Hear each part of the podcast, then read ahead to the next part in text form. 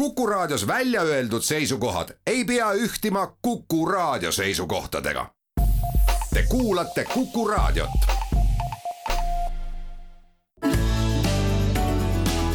keskpäevatund. õhtuke jõuab ja öökene sõuab, looja läinud kullane päike. nüüd hämarus katab ja endaga võtab suvised mured ja. Hei, pillimees, pillimees, mängi sa suvel mängu, mis kaugele kajab. ei sellisel suvel und tule laugele, süda on noruse värav. ei sellisel suvel und tule laugele, süda on noruse värav. kas tee mind katab ja endaga võtab, ristik hein lõhnamas siin. ööbikud laulavad, mõttes sind meenutan, millal sind jälle ma näen. hei, pillimees, pillimees, mängi sa suveööl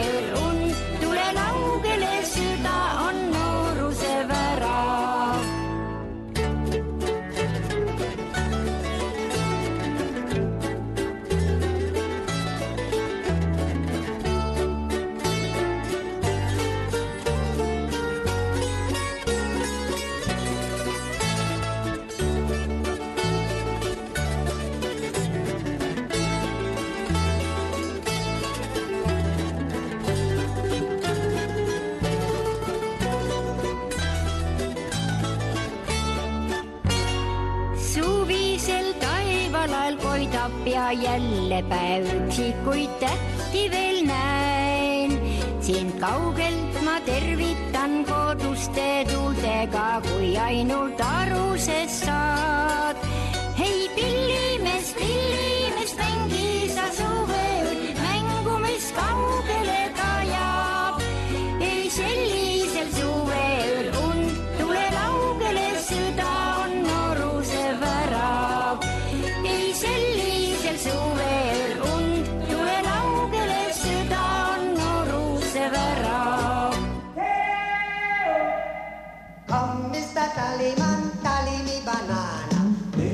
Uudiseid koduvabariigist. tere, siin on Kuku raadio ja Keskpäevatund. eetris on Ainar Ruussaar, Ignar Fjuk ja Priit Hõbemägi ja meile laulis Kihnu Virve, kes lahkus täna üheksakümne nelja aastane, aastasena ja see on meie lugupidamisavaldus rahvalaulikule,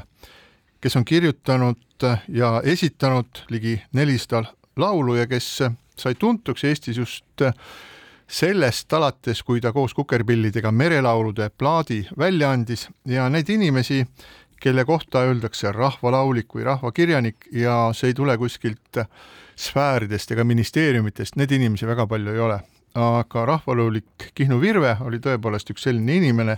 kes oli eestlaste südametes ja kes kuidagi kummalisel kombel suutis eestlaseks olemise, neid äh, raskusi, unistusi, kurbust ja rõõme väljendada nii ainuomasel moel, et ta jõudiski kõikide südamesse, nii et soovime rahulikku minekut Kihnu Virvele. Kihnu Virve puhul tasub muidugi märkida ka seda, et ta oli väga agar arvaja, et ta ei ole kuulus ainult mitte oma laulude poolest, vaid ta ikkagi äh, jagas intervjuusid ja jagas oma mõtteid selle kohta, kuidas tema maailmast ja Eestist aru saab ja, ja, ja need olid väga armsad mõtted. arhitektuuris on selline mõiste nagu vernacular, mis tähendab, ütleme rahvalik. rahvalik või et ilma äh, professionaalse arhitekti osavõtuta sündinud äh, arhitektuur, mis on mida me naudime, kui me sõidame mööda Eesti maastikku ja näeme neid vanu talusid, mida kaasaegne käsi ja materjal pole ümber teinud ja siis seal ongi seda, aga see, see, see võib olla ka midagi sellist erakordselt, mille peale nii-öelda õpitud aju ja oskused ei tule. ja Kihnu Virves oligi just midagi sellist, mida, mida ei õpetata kuskil mida ei olegi võimalik õppida, aga see oli kuidagi, tuli temast endast ja just nagu meist kõigist samal ajal. just, nii et meil on olnud äh, suur õnn, et Kihnu Virve on koos meiega olnud ja nii kaua ja eks tema laulud jäävad ja nad ei kao mitte kuskile. ja läheme edasi meie esimese teema juurde ja see puudutab äh, uut keeleseadust ja noh, ka laulud, muusika, need elavad kõik meil eesti keeles ja see teade tuli siis sellel nädalal, et kultuuriminister Piret Hartman ei kirjutanud uue keeleseaduse muudatustele alla. et äh, uus keeleseadus on siis selline asi, mis püüab, nii nagu on siin viimasel ajal kombeks äh, ära teha kõiki neid asju, mis äh, või osasid neist asj-, neid, neid, neist asjadest, mis on viimase kolmekümne aasta jooksul mingitel põhjustel tegemata jäänud, näiteks muuhulgas ka siis põlitseda ja kinnistada eesti keele osa igapäevases suhtlemises Eesti Vabariigis rohkem, kui seda varem on tehtud, sellepärast et äh, me oleme kõik suhteliselt hästi aru saanud, et äh, kui jätta, kui jätta kas või keeleasjades, keelekasutuses, äh, ühiskondlikus ruumis mõned mõned võimalused liiga avaraks, siis selle tulemusena, selle tulemuseks on mingite teiste keelte pealetung, olgu see siis vene keel või inglise keel või kas või soome keel. Ja äh, uus keeleseadus siis äh, muuhulgas siis sätestab seda avalikus ruumis eesti keele kasutamist üsna, üsna hoogsas vormis ja äh, Piret Hartman jättis siis kooskõlastamata siis uues keeleseaduses, mille järgi peavad toidukullerid ja taksojuhid näiteks teatud tasemel eesti keelt oskama, samuti siis erinevate riigi või rahvusega seotud suurte asutuste või sihtasutuste ähm, keelekasutus, kus tuleb ähm, välismaalastega suheldes kasutada ainult eesti keelt ja nii edasi ja nii edasi, äh, kuni omavalitsuste do domeeninimedeni välja. ja mul on selline kummaline tunne, et ähm, ajal, mil me peaksime rõõmuga kasutama ära seda võimalust akent, mis meile on avanenud, et ajada asja, ajada asjad korda küll punamälestiste, küll eesti keele, küll paljude teiste muude asjadega, mis on lihtsalt olnud tähelepanu keskpunktist väljas ja millega ei ole tahetud või ei ole soovitud tegeleda, siis praegu on selleks võimalus olemas, aga näete, näete ikkagi, siiski on äh, on ka neid ministreid, kes parema meelega lükkaksid selle asja edasi ja üldse ei tegeleks. Ja ma ei, ei saa jät-, mainimata jätta, et Piret Hartman on siis varasemalt tegelenud Kultuuriministeeriumis, enne ministriks saamist on tegelikult tegelenud lõimumisprobleemidega, mis tähendab, et tema fookus on olnud suuresti siis venekeelsel elanikkonnal ja ka Narval ja Kohtla-Järvel, nii et mingisuguses mõttes võib sellest asjast nüüd nagu aru saada, aga kui me räägime Eesti Vabariigi kodanikena ja äh, ja nende inimestena, kes peavad selle Eesti Vabariigi, eesti keele oma lastele ja lastelastele edasi andma, nii et see ikka suudab säilida, siis tekib minus küll kahtlus, et kas kas kultuuriminister on ikka õigel teel? no siin on palju nüansse muidugi, et, et tõepoolest noh, näiteks dom-, do-, domee-, do-, domeeni nimede puhul tõepoolest, et kas nad kõik peaksid olema kindlasti, kindlasti eestikeelsed, aga aga iseenesest on need kaks algatust, üks siis keeleseaduse eelnõu ja teine, mis on esmaspäeval parlamendis kolmandal lugemisel, põhikooli ja gümnaasiumiseaduse mm, ehk eestikeelsele õppele ülemineku seadus, mis loodetavasti võetakse vastu, need on tegelikult ikkagi täpselt sinu poolt viidatud, Priit, suur samm edasi, mida ei ole tehtud kolmkümmend aastat. nüüd keeleseaduse puhul on, on tõepoolest keeruline, et äh, minus tekitab viha, kui ma Tallinna lennujaamas öösel äh, pean võtma mingisuguse poolpiraattakso, mille juht ei ole võimeline suhtlema eesti keeles. Äh, tõepoolest võiks olla. Äh, lennujaamas äh, klienti oodates võiks ta suhelda ka, osata suhelda ka inglise keeles peale, peale oma emakeele. aga, aga tõepoolest, kuhu vedada see piir kaasaegses maailmas, et kõik kõik ja ainult kõik peab olema eesti keeles, ma olen veendunud eh, eesti keele pooldaja, ma olen veendunud inimene, kes soovib, et me kasutaksime korrektset ja korralikku eesti keelt, aga ilmselt tänapäeva maailmas igale poole ei ole seda võimalik üle kanda. ma tuletaksin meelde, kui ma nüüd päris hästi suudaksin tsiteerida idakultuuride uurija Peeter Espakit, kes väga emotsionaalselt proovib kirjeldada neid isikuid, kes siia tulevad, saavad ajutise elamisloa ja tööloa, aga ei suvatse meie keelt ära õppida ja ta nagu ütles sellise lause, et nad ei allu sellele normaalsusele, mis mujal riikides ja ka meil peaks olema nii-öelda emamaa kultuuri ja keele suhtes. siis ma hakkasin mõtlema, mis on see olnud see meie normaalsus ja meie, meie normaalsus ongi kahjuks olnud see, et me oleme lubanud sellel olukorral kesta ja süveneda, kui tuleb keegi, kes ei oska eesti keelt, kas siis räägib tünkamisi seda või räägib ainult vene keelt, siis need, kes oskavad, lähevad vene keelele, väga kergelt läbi inglise keelele, hoopleme sellega, et me oskame ka soome keelt, nii et me ise oleme oma positsiooni kogu aeg näidanud sellise alandliku ja, ja, ja kaotaja rollis olevana. ja ja see ongi olnud kahjuks meie normaalsus ja see, et nagu sa, Priit, ütlesid, et sõda on meid äratanud, siis mitte niivõrd kohe, et kõik kiiresti ära teha ja mõtlemata, mis sellega võib kaasneda, vaid see, et me peame nüüd oma väärikuse esiplaanile tõstma, et me ei ole lihtsalt mingisugune ise teise sordi inimesed siin no. Neid põhjusi, miks peaks inimene, kes siin töötab, keelt oskama palju ja majandusinimesed hakkas kohe ütlema, et meil töökäsi puudub igal pool, et kes siis läheks kulleriks toitu vedama. aga ükski norm, mida kehtestatakse, ei piirdu ainult selle valdkonnaga, mille suhtes ta rakendatakse, alati on ka mingid kõrvalmõjud. Ja ma tooks esile nüüd ühel kõrvalmõju, mida ka Hartmann mainis oma nii-öelda mitte kooskõlastavas tekstis, ta ütles, et kui inimesed ei saa ametlikult töötada, nad teevad seda mustalt või hallilt turult või jäävad koju manduma. ja vot see viimane ongi see, mis on lahti rääkimata, et kui me heidame pilgu lääne nii-öelda, nii-öelda põhjariikide sekka, siis me näeme, kuidas aastakümnete jooksul on seal sealne sotsiaalne süsteem, toetuste süsteem võimaldanud tulijatel jääda lihtsalt passima ja nii kasvab üks ja järgmine ja kolmaski põlvkond, kes elavadki ainult toetustest, nad on võõrandanud tööst. Ja kui nüüd me lisame siia meie väga eh, sellised rasvased lastetoetus, kogu see pakett ja süsteem, siis noh, Rootsi näitel nende nii-öelda immigrantide sigimis, sigimisvõime ja nad hakkavadki nii-öelda sünnitusmasinateks, on kaks pool kuni kolm pool kõrge, korda kõrgem kui nii-öelda põlisrootslastel, nii et kui me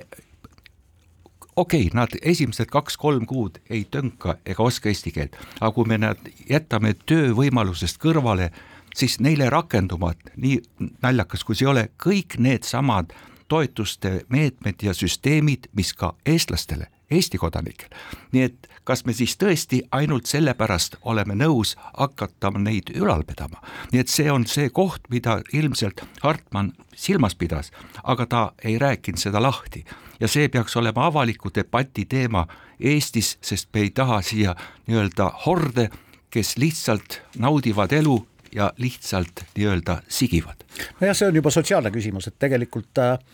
noh, midagi ei ole teha, ega päevapealt midagi äh, ilmselt muuta ei saa ja, ja noh, vaatamata sellele, et eesti keelt tuleb äh, kaitsta ja hoida senisest jõulisemalt, äh, siis kui turist tuleb tänaval teed küsima ja ta ei oska eesti keelt, siis tuleb teda ikkagi aidata ja juhendada ka mitte eesti keeles, aga kõik siin alaliselt elavad ja töötavad inimesed peaksid ikka mingil määral eesti keelt oskama, see on päris selge. ja kõik see algab pihta ikkagi koolist, nii et ma väga loodan, et äh, esmaspäeval ikkagi Riigikogu võtab vastu selle eestikeelsele õppele ülemineku seaduse ja vähemalt me saame seadusele toetudes ja seaduse najal kontrollides hakata vaatama, kas tõepoolest on võimalik, et uued põlvkonnad ikkagi oskavad eesti keelt, sest praegu see kahjuks igal pool nii ei ole. aga võib-olla on see, see keele küsimus ka sellises sotside üldises kontekstis tegelikult, et kui me äh, kui me vaatame seda, mis siis viimasel ajal Eestis on toimunud, siis äh, palju juttu on sellest, et äh, Reformierakond ja EKRE mängivad teineteist üksteise vastu välja, et ne, nende poole on viibutud näpuga küll, küll kõrgeid ametiisikuid kui isegi vabariigi president. Ja ajakirjandus on sellele palju viidanud, et et, et see mõte, et valimiste põhiküsimuseks tuleb siis EKRE ja Reformierakonna vastasseis ei ole Eesti poliitikale üldiselt sugugi tervislik. aga samas, kui nad äh, on nagu paratamatult on sellised nagu vastandid selles äh, mängus, siis viimase nädala jooksul on kuidagi nagu sotsid on kerkinud esile ja ja kui ma, ma püüdsin hommikul nagu sõnastada seda, et mis siis, mis see üldnimetaja võiks olla selle kohta, et, et millist rolli sotsid on nüüd viimasel ajal hakanud mängima, see on niisugune nagu, ta on nagu piduri roll. et mingid asjad lähevad niimoodi suhteliselt libedalt ja korraga siis äh, kuuleme me sotsidelt, et äh, ei, ei, ei, et see, need asjad ikka niimoodi ei lähe, et meil on mingisugused uued mõtted, et või kui läheme isegi kaugemale, kaugemale tagasi, siis äh, meenutame PPA juhi äh, kandidaati, mille Läänemets siis esitas, kui varasemalt oli siis Kaja Kallasega räägitud ühest kandidaadist, siis ootamatult tuli Läänemets välja teise kandidaadiga, mis jälle peaministrile ei meeldinud, mis ja lõppkokkuvõttes selle tulemusena on siiski eh, Belitšev kui ehm, Kaja Kallase poolt soositud kandidaat jäänud peale, kes oli ka nagu, nii nagu mina aru saan, sellise laiema avalikkuse ja ka spetsialistide ja ekspertide arvamus, et tema sobiks hästi selleks, siis ka Äh, siis ka riigieelarve tegemisel, kus äh, siis nägime sel nädalal, et kui riigieelarve jõudis kolmandale lugemisele ja siis riigikontrolör viitas vastuolule seaduses äh, selles riigieelarves ja see põhjus oli siis selles, et ähm, siseministeeriumi eelarvereal olid ähm,, osa eelarveridu olid seadusega vastuolus, no näiteks ehitada lasteaedade ventilatsioonisüsteeme. siis äh, toimus jälle natukene aega nagistamist, niikaua kuni see siis äh, ära klaariti äh,, muudeti seisukohti, raha jäi siis siseministrile alles, ta peab seda kasutada, kasutada seda saab, aga lasteaedu muidugi ehitada ja ventilatsiooni ehitada tal ei ole vaja, et ma saan aru, et see on selline no kuidas öelda, selline õilis eesmärk, aga ometigi mulle tundub nii, et arvestades, võttes arvesse seda olukorda, et suur osa meie riigieelarvest on juba ette nii-öelda kinni ära pandud, seal on väga palju sotsiaaltoetusi ja nii edasi, nii edasi, nii edasi, et seda, seda vaba raha, mida saab kasutada selleks, teiseks või kolmandaks, on ju tegelikult jääb iga aastaga üha roh-, üha vähemaks, kuivõrd siis indekseeritud ähm, tasud, pensionid, kõik äh, need asjad, palgad siis tõusevad. ja nüüd tekib er erakordne kiusatus, et kui sellesse vaba rahapotti pista kiiresti käsi sisse ja siis krabada sealt midagi, et ei jõua enam rääkida seal mingi teise ministeeriumiga, et neid asju oleks vaja teha, aga saaks sealt mingi kuus miljonit kätte ja kasutaks seda siis nagu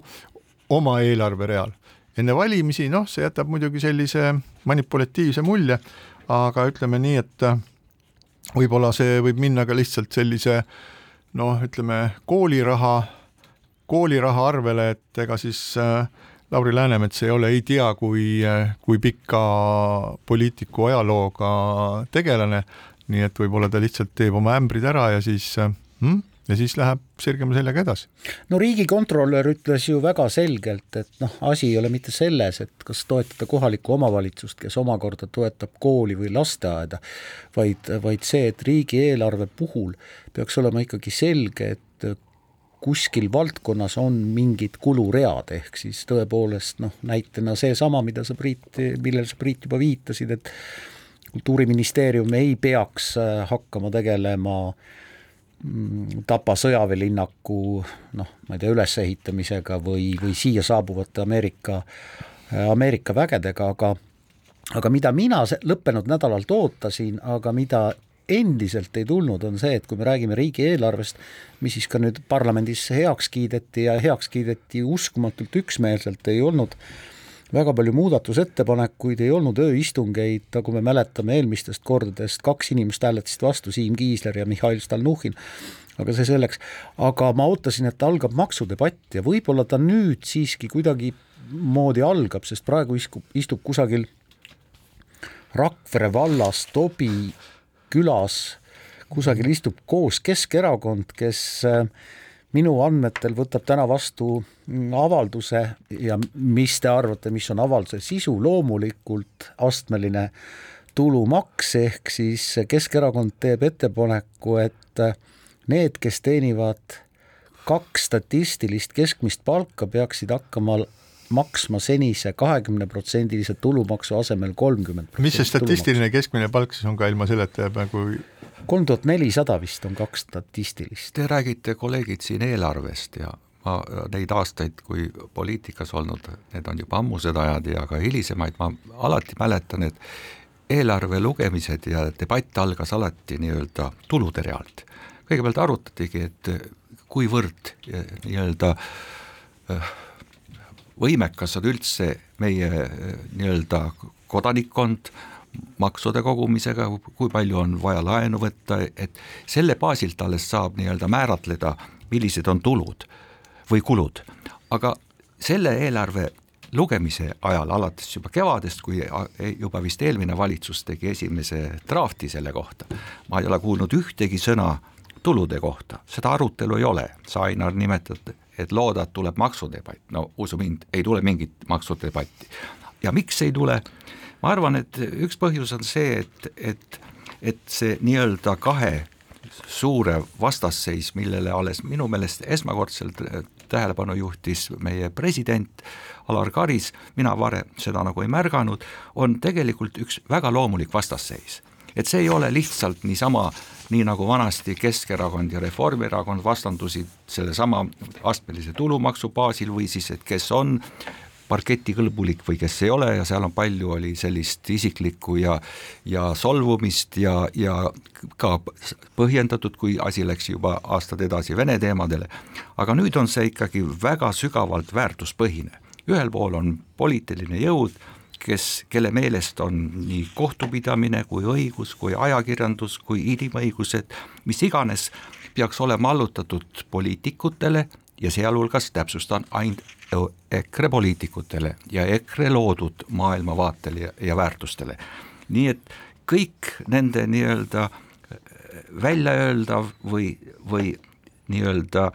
deklareeritav, see on meie nii-öelda põhiseaduslikele alu, alusprintsiipidele, see on inimõigustele ja vabadustele, sealhulgas iga isiku oma isiklikule vabadusele, on vastu töötav ja, ja ja see, mida nad jutlustavad mingisugust sisevaenlase otsimise põhiselt, sest kõik, kes ei ole nendega, on nende vastu ja neile vaenlased, nad äh, on, vaenavad ajakirjandust ja kohtunikke ja õigusorganeid ja ühesõnaga, see on niivõrd sügav. Ja kui siia juurde paneme veel see, et Vene valijate hulgas nende populaarsus väga kiiresti tõuseb, ehk kõik see, mis nad teevad, on nii sarnane Kremli jutupunktidele, siis see ongi see, et on tõesti vaja sellele jõule vastu seista. tähendab, ma ei val-, vali siin poolt, ma lihtsalt õigustan seda, miks Reformierakond ennast nii positsioneerib, sealhulgas ka sotsid, sealhulgas Eesti kakssada. nojah, võib muidugi ennast lohutada sellega, et loomulikult opositsiooniline EKRE teeb enne valimisi väga palju võimsamaid avaldusi kui kui ta tegi tegusid siis, kui ta oli valitsus, valitsuse liige, kui ta oli valitsuspartei, nii et eh, noh, üks Ei asi ütleks, on sõnade loosung. pandi ikkagi Eesti lukustati täitsa, kuigi see haigus no, pidi olema ravitav hanerasvaga noh jah, nii sünge see toonane EKRE tegevus valitsusparteina ei olnud, seal nad ikkagi tõmbasid ennast tagasi. ja siinkohal väike paus. keskpäevatund keskpäevatund jätkab, Ainar Ruussaar, Ignar Sükk ja Priit Hõbemägi. räägime nüüd äh,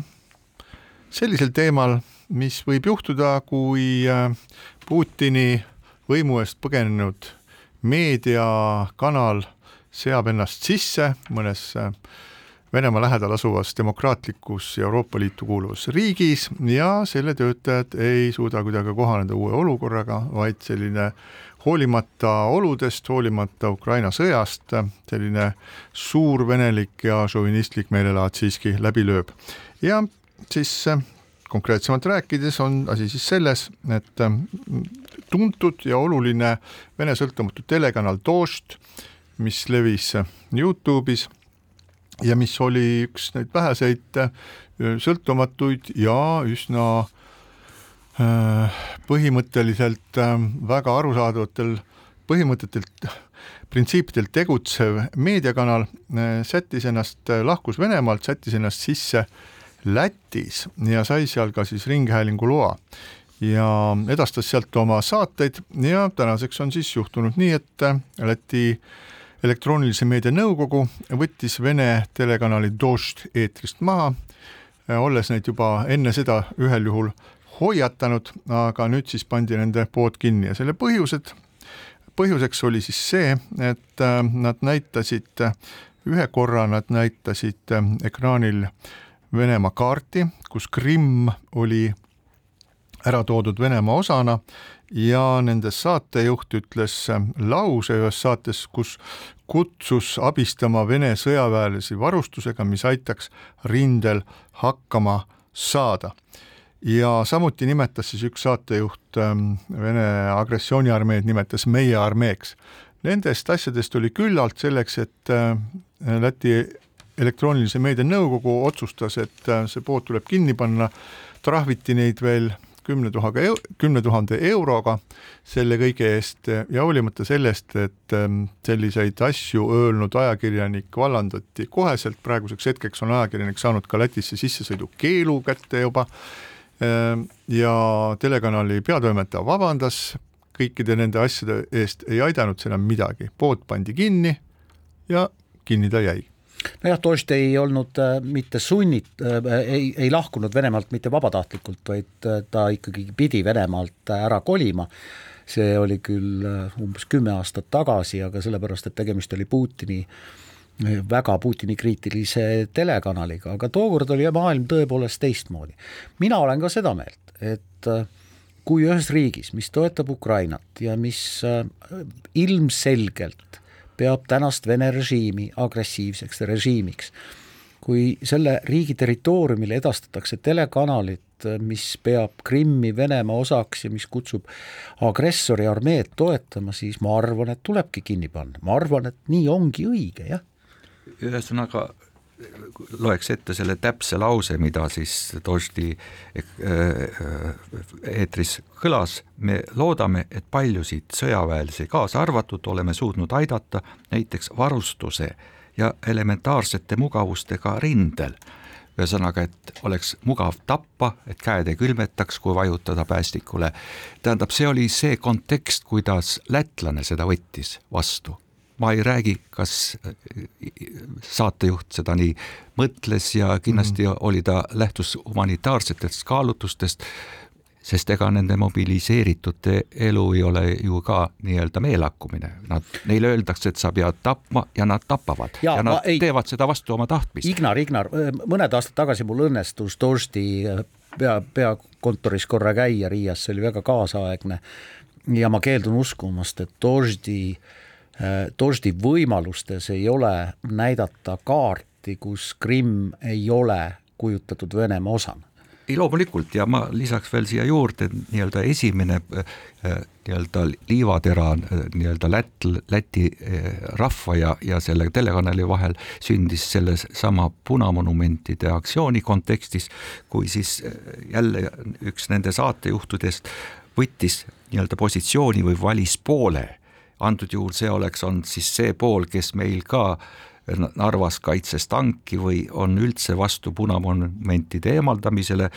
väites, et muidugi tekib küsimus, milleks on vaja teravdada pingeid Riia venekeelsete inimeste tohutu pahameele taustal, kui me võtame neid punamonumente maha. nii et ma küll ei tahaks öelda, et ma ei võta positsiooni hukkamõistvat või õigustavat, mida Läti Eesti eh, riik tegi, sest see on nende õigus ja ma kõige vähem tahan sekkuda nii-öelda nende eh, loomulikesse valikutesse. aga vähemalt siit tundub mulle ka, et see eh, otsus oli õigustatud. ja vaata, siin on, siin on üks väga lihtne asi, mida, mida ka Kuku raadio kuulaja kindlasti, kindlasti teab, on see, et et igasugune meediakanal võib intervjueerida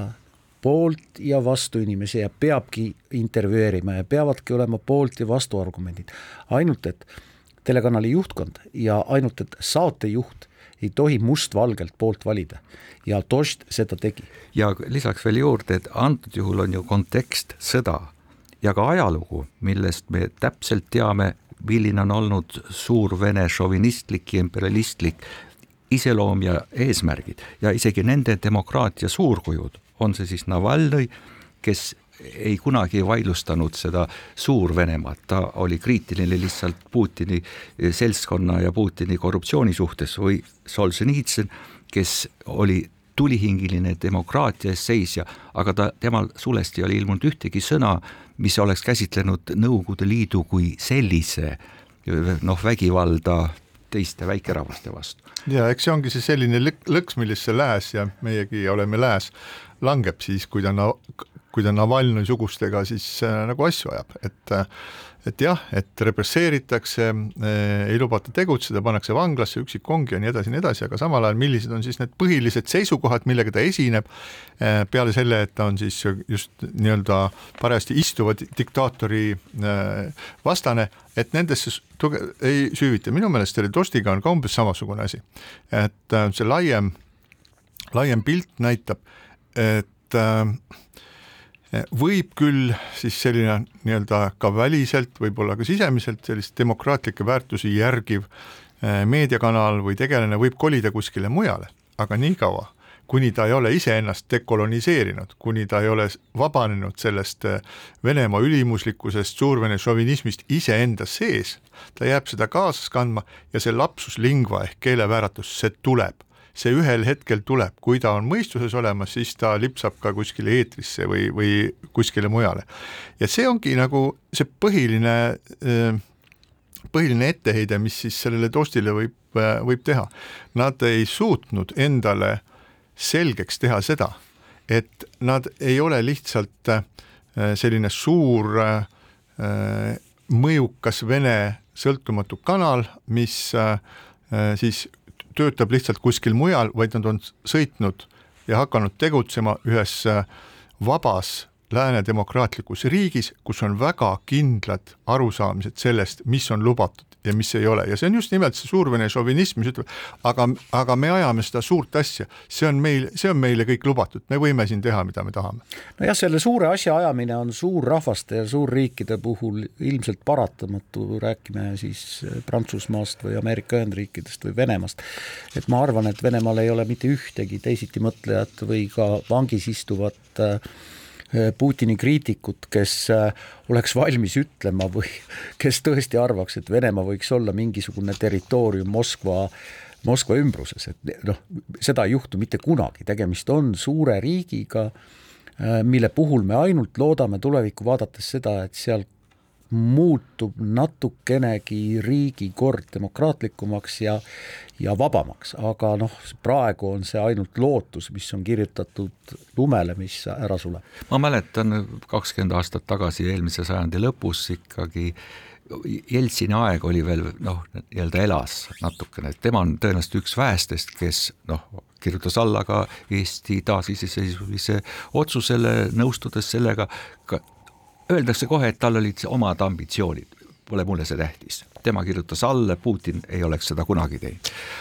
aga siis ma veel isegi ka olin veidi naiivne ja uskusin, et midagi Venemaal hakkab toimuma või muutuma, et, et ei saa olla, et, et see jube Nõukogude süsteem, mis hävitas väikerahvaid ja, ja allutas Eesti, et see võiks jätkuda. aga nüüd on see palju hullemaks läinud, see on kordades hullem kõik see, mis täna Ukrainas toimub ja mis juttu need Vene riigijuhid räägivad, seal puudub igasugune loogika, mis oleks seotuv noh, meie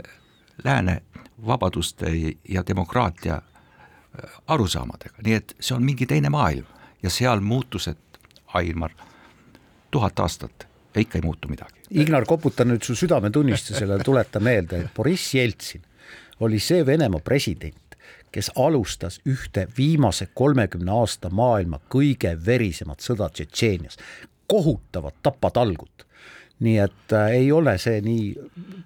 mustvalge sugugi. ja muuhulgas lasi tankidest tulistada Venemaa parlamendihoonet, eks no nii, see on aga, midagi taolist, see on, see on ikka kraad. aga Eesti sai vabaks. see on kraad kõrgem kui siis äh, Ameerika Ühendriikide president Donald Trumpi Äh, siis äh, organiseeritud orgia siis Kapitooliumil, aga kui sa ikka kutsud tankid välja ja siis lased parlamenti tulistada, see on selleks, et saada seda, mida sa tahad. aga mul tuli meelde üks, üks juhtum, kus ma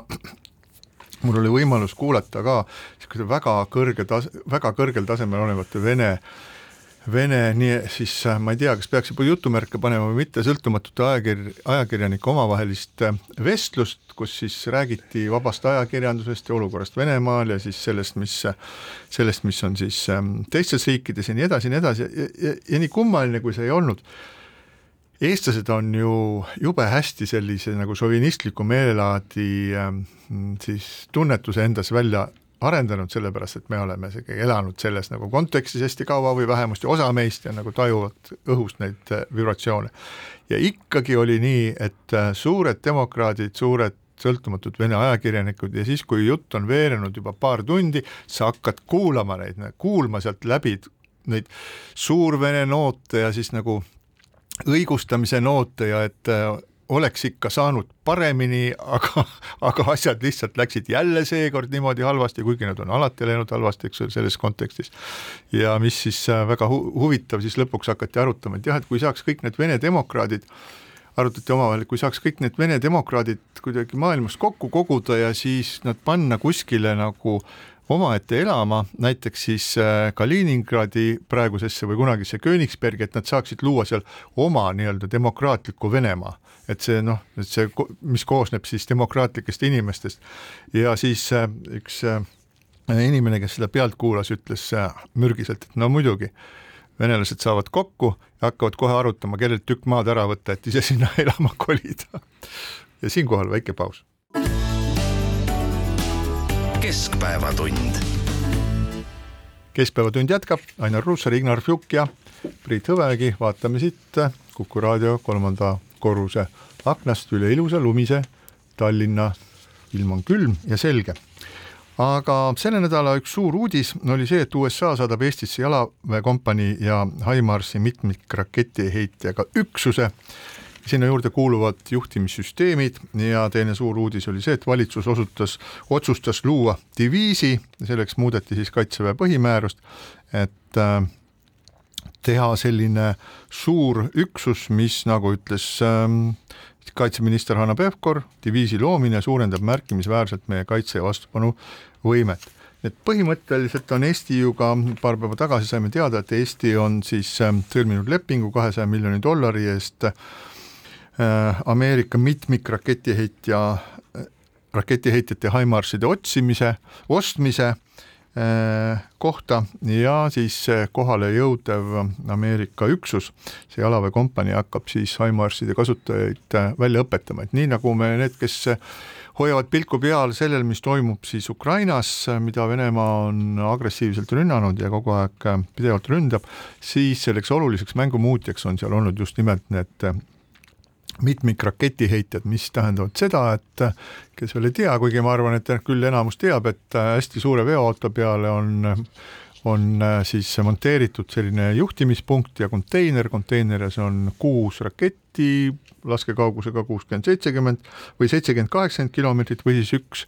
eriti kaugele, kolmesaja kilomeetri kaugusele lendav äh, rakett ja nii kui see kupatus, see, need raketid lendavad siis äh, GPS-i abil ehk et nad on ülitäpsed ja jõuavad täpselt ühe umbes ühemeetrise eksimusega sinna, kuhu vaja ja nii kui siis on raketid teele saadetud, nii pannakse autole hääled sisse ja ta kihutab kohe minema, nii et seda, seda kohta, kust siis ähm, tulistamine toimus, enam kätte pole võimalik saada. Ja see on üks asi, mida Eestile no vähemasti ma ei ole nüüd mingi sõjandusekspert loomulikult, aga mis arvestades seda, et millist tähelepanuväärset osa on siis need Himarsid võimaldanud äh, teha, kas korda saata kas või Ukrainas näiteks see kurikuulus Antonovka sild, mida siis Himarsidega põhjalikult pommitati ja mis kahtlemata aitas ka kaasa sellele, et Vene väed olid sunnitud kobima siis äh, Dnepri teisele kaldale, kuna nad ei saanud enam varustust sinna vedada, sild oli selline juba auklik, siis Eesti jaoks moodustaksid need väga olulise sellise kaitsevõime tugevdamise ja üks asi kahtlemata on ka see, et HIMARS-idel on juba selline noh, nagu kurja kuulutav kuulsus tekkinud, et äh, see on, see on selline asi, et kui kuskil kellelgi on kuskil vastas need Himarsid, et siis see mäng ei ole sugugi lihtne. Nojah, tegemist on targa relvaga, et äh, Ukraina sõda mm, vaadates me näemegi, et tegelikult päris sõjas ongi päris sõjas ongi tegelikult kaks, kaks väga olulist asja, üks ja kõige olulisem on see, et kui hästi on välja õpit-, õpetatud sõdurid, sõjaväelased, kui hästi on tagatud nende nii-öelda infrastruktuur ja teine on targad relvad versus mitte nii väga targad relvad või rumalad relvad ja ja noh, Vene armee on kasutanud väga palju tõepoolest selliseid äh, relvi, mis on ilmselt jäänud nende ladudesse ka veel Nõukogude ajast, mida ei saa kutsuda targaks relvaks ja mille tabamistäpsus ei ole kuigi suur. nüüd Himarsid on tõepoolest targad relvad ja noh, iseenesest heidutusena on see ikkagi äh, väga kõva sõna, kui nad äh, Eesti pinnal on, ehk siis tegelikult nende raketisüsteemide abil äh, on teoreetiliselt võimalik anda tuld ka Peterburi tagustele aladele? no selle sõjaga ka nüüd, kui see algas pihta, mäletan kuskil mõne päeva pärast peale sõja algust äh, lepiti kokku Euroopas ja hiljem ka Ameerika Ühendriikides esimene pakett nii-öelda sanktsioonidest. praegu on see jõudnud juba vist arvuni kaheksas, üheksas, pannakse kokku kümnendat, ma ei tea, kaua sõda kestab kas siis, kui on juba vastu võetud kahekümnes pakett või kolmekümnes pakett, samal ajal toimub kogu aeg ju Ukraina abistamine relvadega, küll rakettidega, laskemoonaga, muu sõjaline abi, know-how, aga venelane kasutab ikka sedasama keelatud viisi, ta mine-, mineerib tsiviilalasid, koole, lasteaedu, kus ta peab lahkuma, laseb silda õhku, kasutab kobarpomme, mida ei tohiks. nii et see kõik on justkui lõputu ja, ja kahetsusväärselt täiesti vastuvõetamatu meile kõigile. aga kuna see lõpeb, vähemalt avaliku arvamuse kohaselt nii-öelda Venemaa elanike mõjul või survel see küll ei peaks nii olema. hiljaaegu tuli avalikkuse ette üks uuring telefoniküsitluse kohaselt, mida siis võimud olid teinud ja selle alusel leidis kuuskümmend protsenti vastanutest, et Putin toimetas sõjalist operatsiooni välja kuulutades õigesti ühelt poolt ja teiselt poolt ainult kuuskümmend seitse protsenti vastanutest või kuuskümmend seitse protsenti vastanutest toetab sõja jätkamist. tähendab, selles kontekstis eeldada, et Putin peaks mingisugust muutust tegema milleks, kui tema selja taga on suur vene rahvas. nii et eh, ma ei tea, millega see lõpeb ma ei tea, kas, kas suur vene rahvas, nagu sa ütlesid väga pateetiliselt, et et ma paneksin siin jutumärke kõvasti ikka siia igale poole, et nii selja taga paneksin jutumärgid ja siis suur ja siis eh, vene rahvas ja nii edasi, nii edasi. et eh, need on sellised kõik nagu vaieldavad asjad, aga üks asi on nüüd nagu selge, et mis iganes olid siis need motiivid, et president Putin sellist nagu vägivaldset sõda või noh, sõda on alati vägivaldne, aga sellist agressioonisõda alustas, et olid, oli siis see tingitud tema, tema tunnetusest, et tervis on juba kehv, tahaks veel siis ähm, mingisuguse suure asja ära teha ja üritada impeeriumi nagu liita. ja kui me vaatame nüüd nagu neid eesmärke, mida siis, mida siis äh, Putin on endale nii-öelda seadnud, vallutada kiirsõjaga Ukraina ja panna siis äh, nukuvalitsus sinna, et see ei ole äh, siis äh, see ei ole õnnestunud, et tegelikult kui keegi kaarti vaatab, et siis ta näeb, et tegelikult Venemaa kontrollib siiamaani nagu, nagu ühte, ühte riba siis Ukraina idapoolsest või kagupoolsest osast, et seda on väga vähe ja sealgi on väga tur-, verised võitlused ja, ja on neid sealt tagasi lükatud, siis et äh, impeerium, suurendada nii-öelda Vene impeeriumi mõjuvõimu ja liita tema juurde mingeid osi, vastupidi, ta on saavutanud selle, et NATO on ühtsem kui kunagi varem, et äh, Soome ja Rootsi, mis olid siis erakordselt huvitavad äh, Äh, alad äh, Venemaa jaoks, kuna sealt läks nii-öelda, see oli Euroopa pehme kõhualune, kust sai otse siis Kesk-Euroopasse sisse minna, et need on äh, liitumas NATO-ga, mis on ju sisuliselt noh, ütleme päevade küsimus, mida iganes see türklased seal ei tee, aga lõppkokkuvõttes NATO-sse nad lähevad, lähevad ja kui me vaatame neid suuri rahvusvahelisi konverentse, kus on kas Putin või Lavrov, siis me näeme, et tema kõrval on seal sellised tegelased nagu Iraan, Põhja-Korea, Süüria, Need on kõik sellised riigid, mis on sellist rahvusvahelise terrorismi toetajad. Või siis Aasia riigid või suured Aasia riigid, kes igaks juhuks ei taha mingit seisukohta võtta. et tegelikult ei ole Putin mingisuguseid oma, neid eesmärke, mida ta on seadnud, ta ei ole, ta ei ole saavutanud siiamaani, nüüd on täitsa nagu võimatu seda kõike tagurpidi pöörata ja ja neid saavutama hakata, sest see ei ole lihtsalt nii-öelda arvestuslik, et enam võimalik. Ja üks asi on selle äh, kõige juures veel see, et olles loonud sellise sõjamasina, ei olegi Putinil mingit muud võimalust võimal püsida, kui seda sõjamasinat jär-, pidevalt, pidevalt eskaleerida, kuni juhtub midagi, mida me keegi ette ei tea, aga teistmoodi ta ei suuda võimul olla. no jaa, aga lääne nõrkus on ikkagi ka äh, paistnud silma viimastel aastatel, seesama sinu poolt mainitud idapoolne riba, mida venelased okupeerivad. Krimmi okupeerimisel tehti kaks lasku, kaks pauku ja Krimm on siiamaani okupeeritud, MH seitseteist tulistati alla jah, tagasi mõisteti äh, neli inimest küll äh, eluks ajaks vangi, aga ma loodan, et nüüd on lääs ennast kogunud. Aga hiljaaegu avaldas Briti kaitse- ja julgeolekuorganid väikse, väikse ülevaate Vene plaanidest ja see nägi ette need dokumendid, et Venemaa vallutab Ukraina kümne päeva jooksul, tapab riigi juhtkonna ja, ja töötleb kogu elanikkonnaga, jagades neid nelja kategooriasse, osad tapetakse, osad pannakse vangi, osad saadetakse Venemaale ja need, kes on koostööhaldid, need jäetakse elama. hullumeelsed ideed, aga lõpetame tänaseks saate, täname teid kõiki kuulamast ja kohtume taas nädala pärast. keskpäevatund